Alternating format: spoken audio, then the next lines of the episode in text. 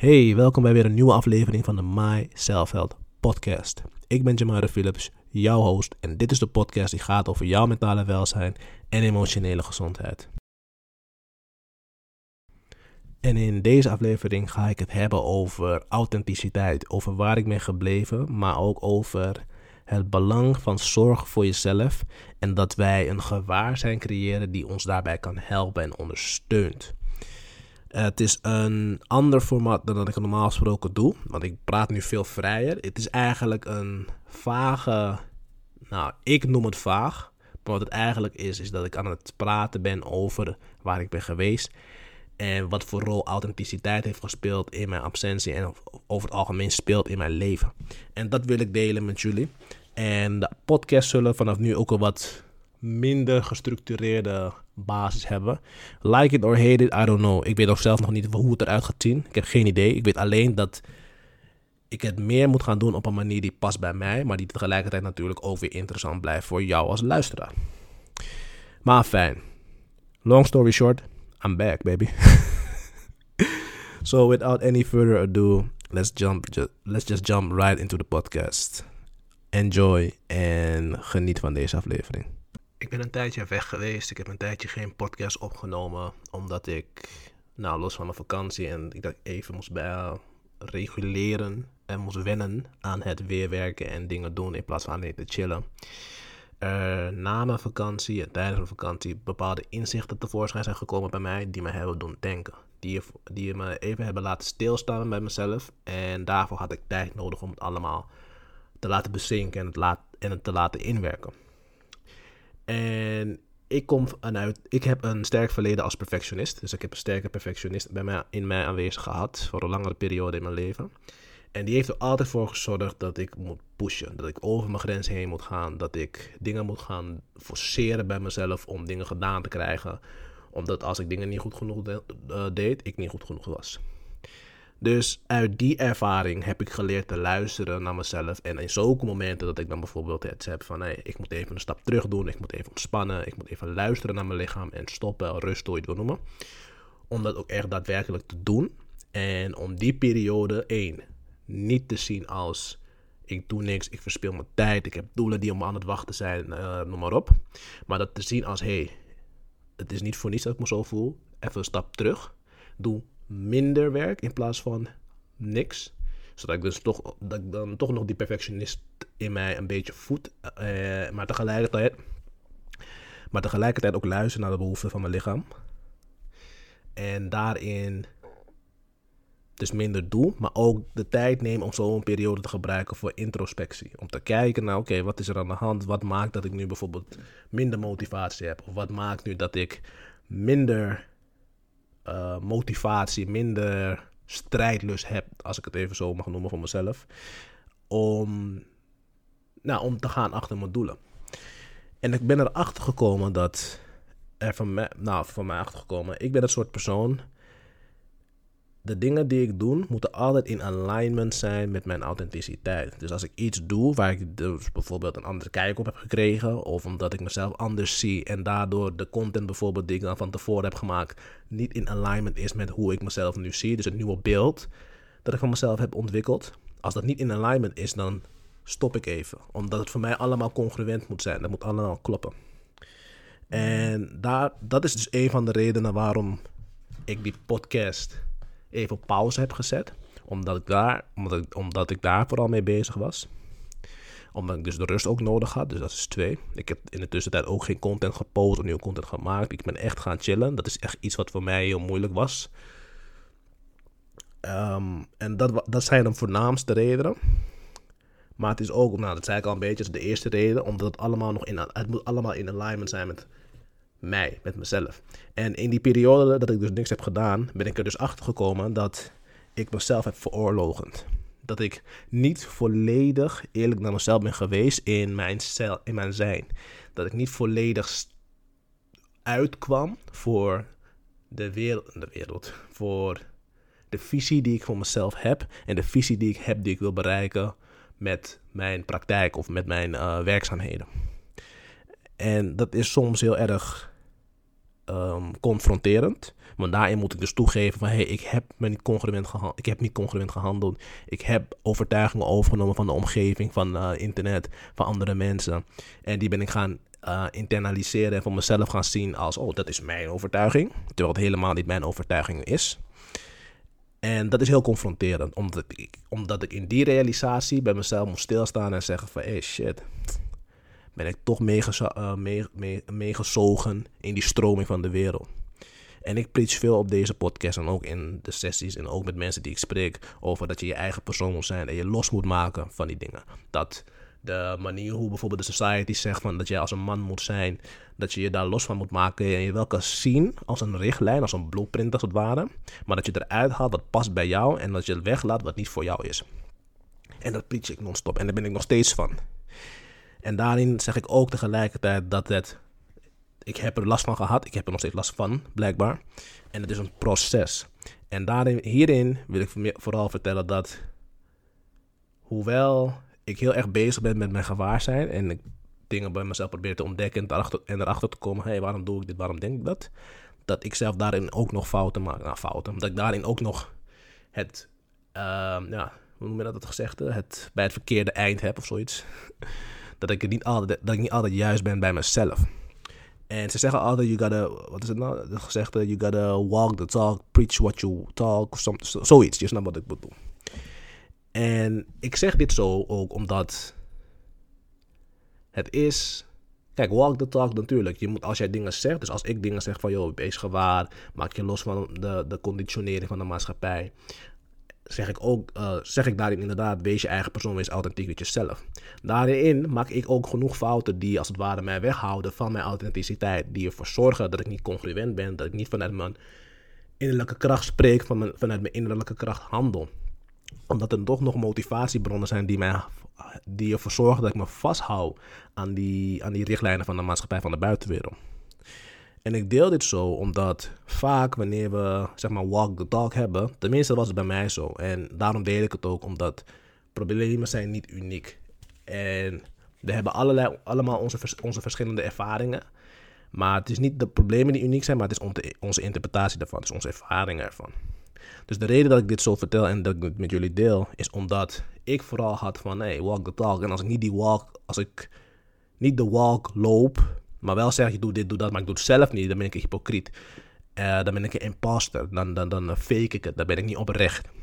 En dat, was van, dat is voor mij een, een, grote, een groot obstakel geweest om er overheen te komen. Maar wat ik ook vaker zeg in deze podcast, is dat het vallen en opstaan is. Ik zal niet, en jij ook niet, je zal niet altijd 100% de juiste stappen nemen. Je zal soms nog terugvallen in oude gewoontes. Je zal soms een blinde vlek hebben voor patronen bij jezelf, waarvan je wellicht dacht dat ze niet voor jou uh, gelden. Of dat je dacht dat je al voorbij dat patroon was, of dat het patroon helemaal niet aanwezig was, maar dat het toch nog een invloed op je heeft, op die subtiele, niveau, uh, die subtiele levels van je leven.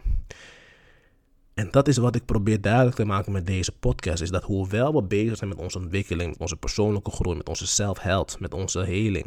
Dat desondanks dat het altijd nog zal voorkomen dat we soms terugvallen. Of dat er soms een ander patroon um, uh, zichtbaar wordt. Omdat we het ene patroon hebben verwerkt. The journey never ends. The journey is always ongoing. En in die journey zal het nooit zo zijn dat je alles hebt opgelost. Sterker nog, wanneer je het ene probleem hebt opgelost, komt er weer een ander probleem voor in, in, in, eh, in de plaats. Als je het ene trauma hebt opgelost, hebt verwerkt, hebt geheeld, maak dat je ogen open en openbaar dat weer een andere blokkade of een andere belemmering die jou ervan weerhoudt om nog meer energie of nog meer kracht te halen uit je authentieke zelf.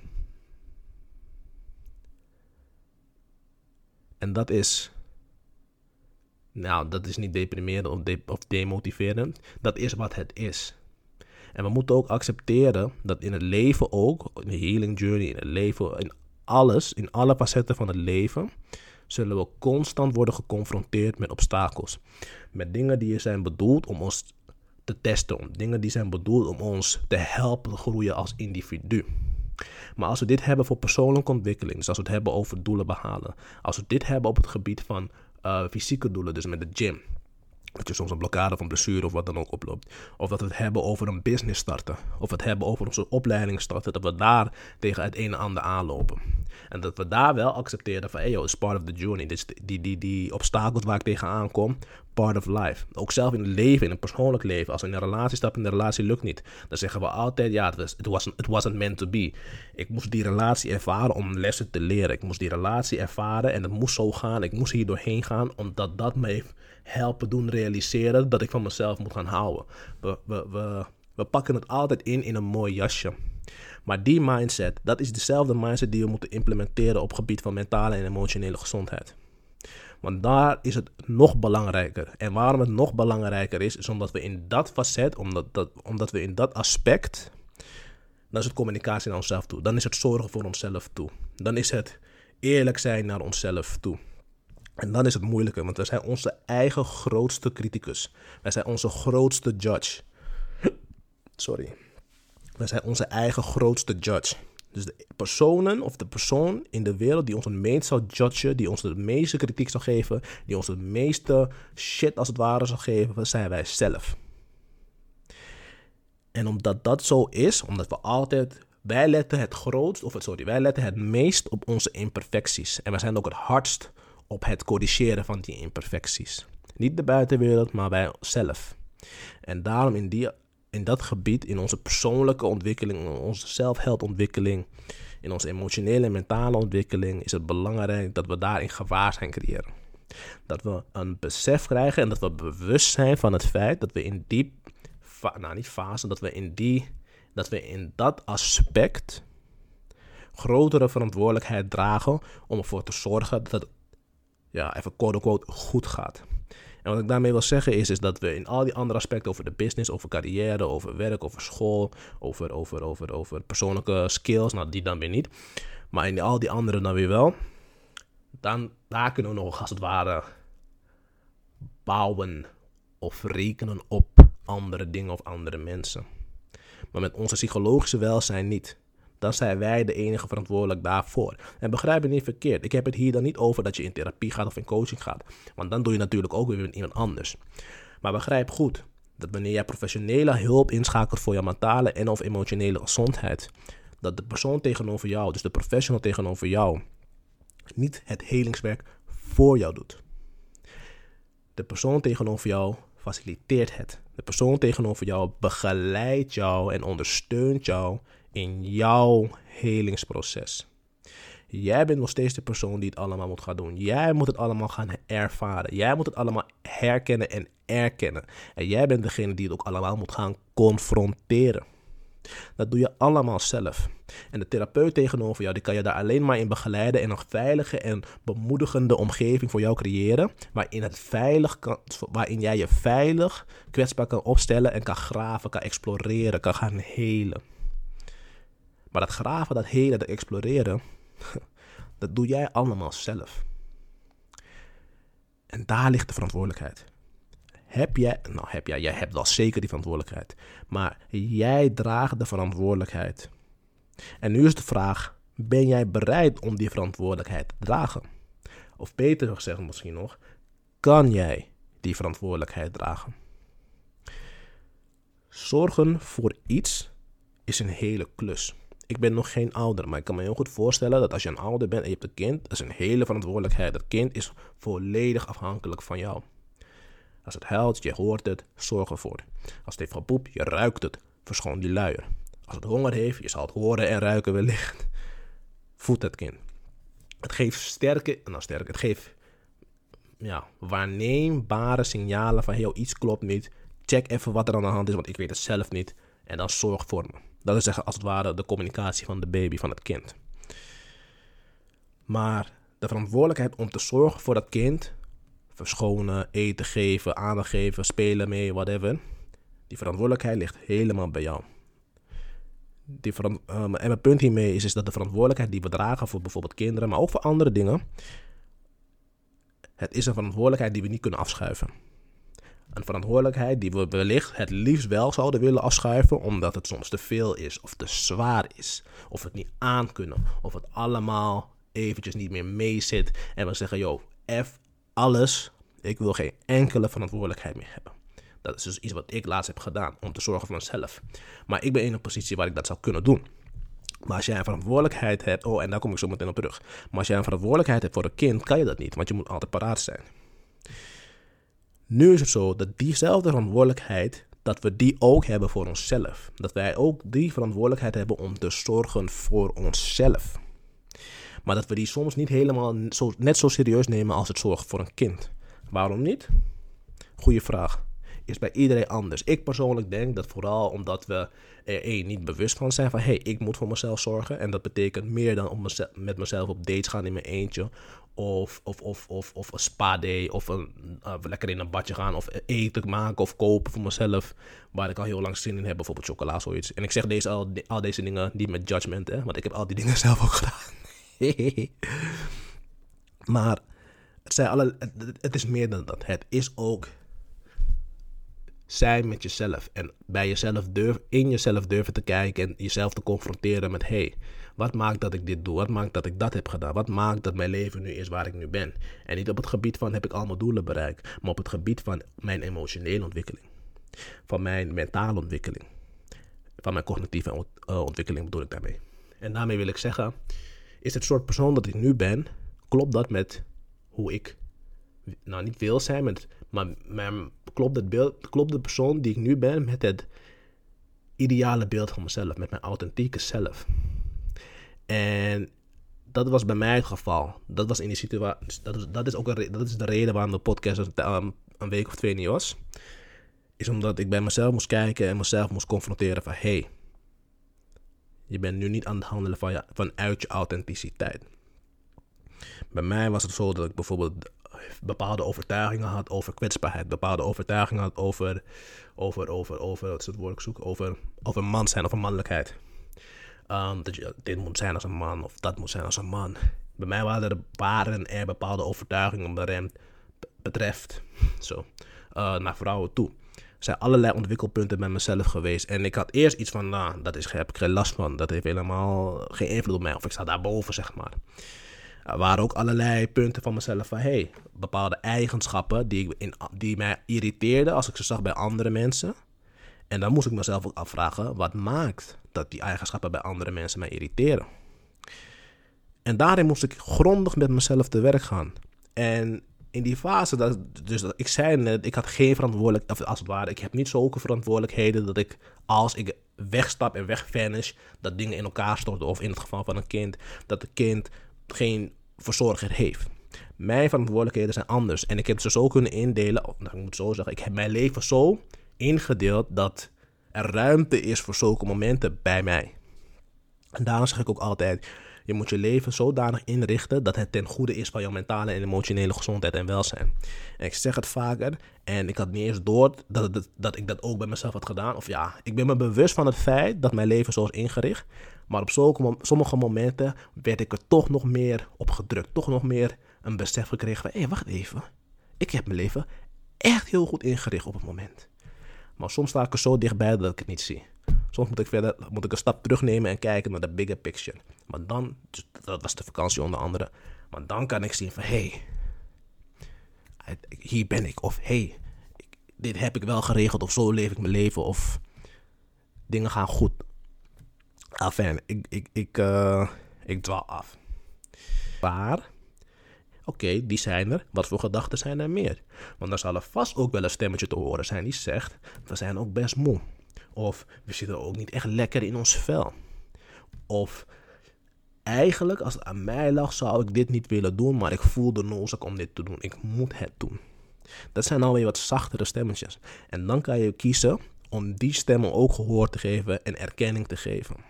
En naar mijn mening en ervaring is het dat we als we luisteren naar die kwetsbaardere stemmetjes, dat vanuit die stemmetjes bepaalde emoties, nou, bepaalde waarheden aan het licht kunnen komen. Maar dan komen we, als we luisteren naar die kwetsbare stemmetjes in ons, dan komen er motivatiebronnen naar boven. Intrinsieke motivatiebronnen. En niet motivatiebronnen van ja, ik wil rijk omdat ik vrijheid wil hebben. Dan komen we van waarom is vrijheid belangrijk voor mij? Dan komen we, komen we bij ik heb geld nodig, want als ik geen geld heb, heb ik geen zekerheid. En zekerheid is voor mij belangrijk. En ik had vroeger geen zekerheid omdat ik bijvoorbeeld in een onveilige uh, omgeving ben opgegroeid. Waar het altijd krap was, waar er altijd gevochten werd, altijd geschreeuwd werd. Waar ik me nooit fysiek, emotioneel en mentaal veilig heb gevoeld. En geld was altijd, als dat er eenmaal was, was dat weer een zorgde dat ervoor dat, de, dat het gevaar minder werd. Dus daarom wil ik veel geld. En ik geef nu maar een voorbeeld. Maar bij zo'n inzicht, het zou heel goed kunnen zijn dat dit een echt speelt bij jou. Maar je zal hier nooit bij komen als je simpelweg gaat luisteren naar de luide stemmen. Naar de stemmen die zeggen: je moet werken, je mag niet rusten, go, go, go, hustle, hustle, hustle. Want dan kom je bij waarom moet ik hasselen? Ja, omdat ik geld wil. Waarom wil ik geld? Omdat ik vrijheid wil zijn. Ik wil rijk zijn. Oppervlakkige motivatiebronnen. En wij willen graag naar de diepere motivatiebronnen. Wij willen weten, wat maakt nou dat, het, dat ik het zo belangrijk vind? Of wat, waar komt dit vandaan? Om, dus, om, dus om hem even terug te pakken naar het erkennen en luisteren naar gedachten. Dat we puur omdat we een gedachte hebben, het niet betekent dat we daarna moeten handelen. Hij mag er zijn, we mogen hem erkennen. En dat betekent niet dat we het entertainen. Dat betekent niet dat we het bekritiseren. Het betekent niet dat we het wegzetten of whatever. Het betekent simpelweg. We nemen het gewoon waar. That's it. Net als hoe jij naar buiten, als je naar buiten loopt en je kijkt omhoog en je ziet de lucht en je zegt, oh, de lucht is blauw. Dat is een observatie. Is een erkenning van, hé, hey, de lucht is blauw, oké. Klaar. Het is niet van, oh, de lucht is blauw en lelijk. Of de, de, de, de, de, de, de, de blauwe lucht is... Dat je daar een oordeel over hebt. Het is gewoon een observatie. Punt. En dat is wat we ook mogen doen met onze gedachten. Dat is waar we momenten dat we, dat we niet lekker in ons vel zitten, dat we even rustig aan moeten doen vanwege onze gezondheid of vanwege andere zaken. Dat we daarin niet vast blijven zitten, in het niets doen, in het en onszelf op de kop geven en gaan bekritiseren omdat we niets kunnen doen of niks gaan aan het doen zijn. Dus dat we onszelf als het ware op de kop geven omdat we aan het rusten zijn, ontspannen zijn, chillen zijn. Dat we zulke momenten gebruiken om eventjes te, om te reflecteren, introspectie te doen en even Eén, natuurlijk voor most first en foremost om echt gewoon te ontspannen. Want we werken hard, jij werkt hard, ik werk hard. Je verdient tot om soms even te rusten, te chillen. En dat hoeft niet per se op vakantie. Weet je, voor mij was het wellicht nodig om dat te doen, om dat te beseffen. Maar je hoeft niet te wachten tot je op vakantie bent om te chillen. Je kan ook hier, wanneer je thuis bent in je eigen land. Je eigen land klinkt misschien raar. Maar dat je, wanneer je thuis bent, dat je ook zegt: hé, hey, wacht even. Ik doe nu even een dag of twee of drie of vier of vijf helemaal niks. Weet je? Ik ga lekker chillen. En dan moet je maar even kijken hoe je het gaat regelen. Maar zorg er wel voor dat dat een ding is. Wat nou, een gewoonte wordt voor jou als het ware. Dat je niet gaat wachten op big things like vacations of een weekendje weg. Voordat je echt gaat chillen. Begrijpelijk, maar je hoeft daar niet op te wachten. En dat is dan ook weer die zelfzorg. Ja, selfcare. Ik hou niet van het woord. Maar dan zorg je voor jezelf. En met selfcare zorgen voor jezelf. Ik, ik, ik hou niet echt van dat woord. Omdat selfcare, dat, dat associeer ik vooral met, wat ik net zei, met uh, op dates gaan met jezelf.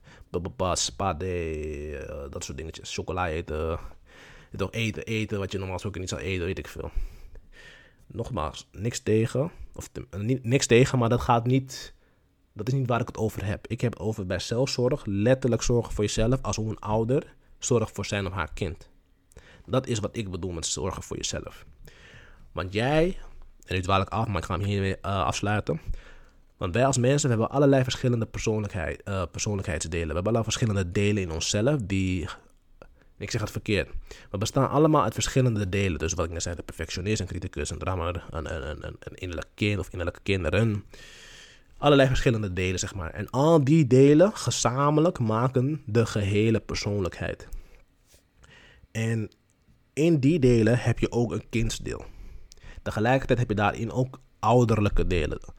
En het is jouw taak als gewaar persoon, dus als bewust persoon, om te zorgen voor die delen. En dan met name in deze zin de innerlijke de kindsdelen, om te zorgen voor de kindsdelen Oh, zodat die zich veilig voelen bij jou. Zodat ze, het woord dat ik wil gebruiken is refugee. Ik weet het Nederlands woord even niet. dat ze refugee bij jou kunnen halen. Dat jij voor ze zal zorgen, dat jij ze veilig houdt en dat jij ze erkend liefde geeft en wat ze dan allemaal nodig hebben. Want die liefde die jij dan geeft aan die kindsdelen, is eigenlijk liefde die jij jezelf geeft. Maar je geeft het dan nu specifiek aan een deel dat het specifiek nodig heeft. En dat zorgt er weer voor dat jij in ruil daarvoor ehm, een gewichtiger, meer bewust en gezonder en gelukkiger persoon wordt. En dat allemaal omdat jij gewaar bent geworden. Meer gewaar bent geworden. Bewustzijn, gewaar zijn. Het is geen destination. Het is geen state of being of gemoedstoestand. Het is iets wat constant actief is. Iets wat constant aanwezig is. En als jij je daar bewust van kan worden, ironie, ironie, als jij je daar bewust van kan worden, dan zul je ook beseffen dat je in vele, bijna alle situaties, die te maken hebben met relaties, dus sociale relaties, sorry, met interacties wil ik zeggen, die te maken hebben met interacties met andere mensen, met jezelf, met groepen, dat je daarin meer rust bij jezelf kan houden, omdat je dus altijd, dus, omdat je dus bewuster bent van het feit dat jij wellicht uit een impuls kan reageren, maar dat je even stil kan staan, kan, stil kan staan voordat je een keuze maakt. En dat kan je weer helpen om ervoor te zorgen dat jij rijkere relaties gaat vormen met mensen. Dat je gelukkiger wordt in het leven. Maar ik val in herhaling. En daarmee, ga ik deze aflevering afsluiten. Ik hoop uh, dat je er wat aan hebt gehad. Het is een uh, ander soort format. Ik ben ermee bezig om ook te kijken hoe ik het allemaal anders ga pakken. Zodat het meer in alignment is met mijn authenticiteit. Maar voor nu hou ik hem even aan op deze manier. En in de komende weken ga ik het aanpassen, zodat het meer en meer in alignment is. Maar dat zul je vanzelf wel merken. Mocht je wat aan deze podcast gehad hebben, mocht je wat gehad hebben aan deze specifieke aflevering, deel hem dan. Like de aflevering, like de podcast en deel de aflevering dan ook met iemand waarvan jij denkt: hey, hij of zij heeft hem nodig. Ik vind dit waardevol, laat me dit delen met deze persoon. Want zo dragen we bij aan een gezondere en emotioneel volwassener, volwassenere cultuur. Juist. Wil ik je nogmaals ontzettend bedanken en tot de volgende aflevering.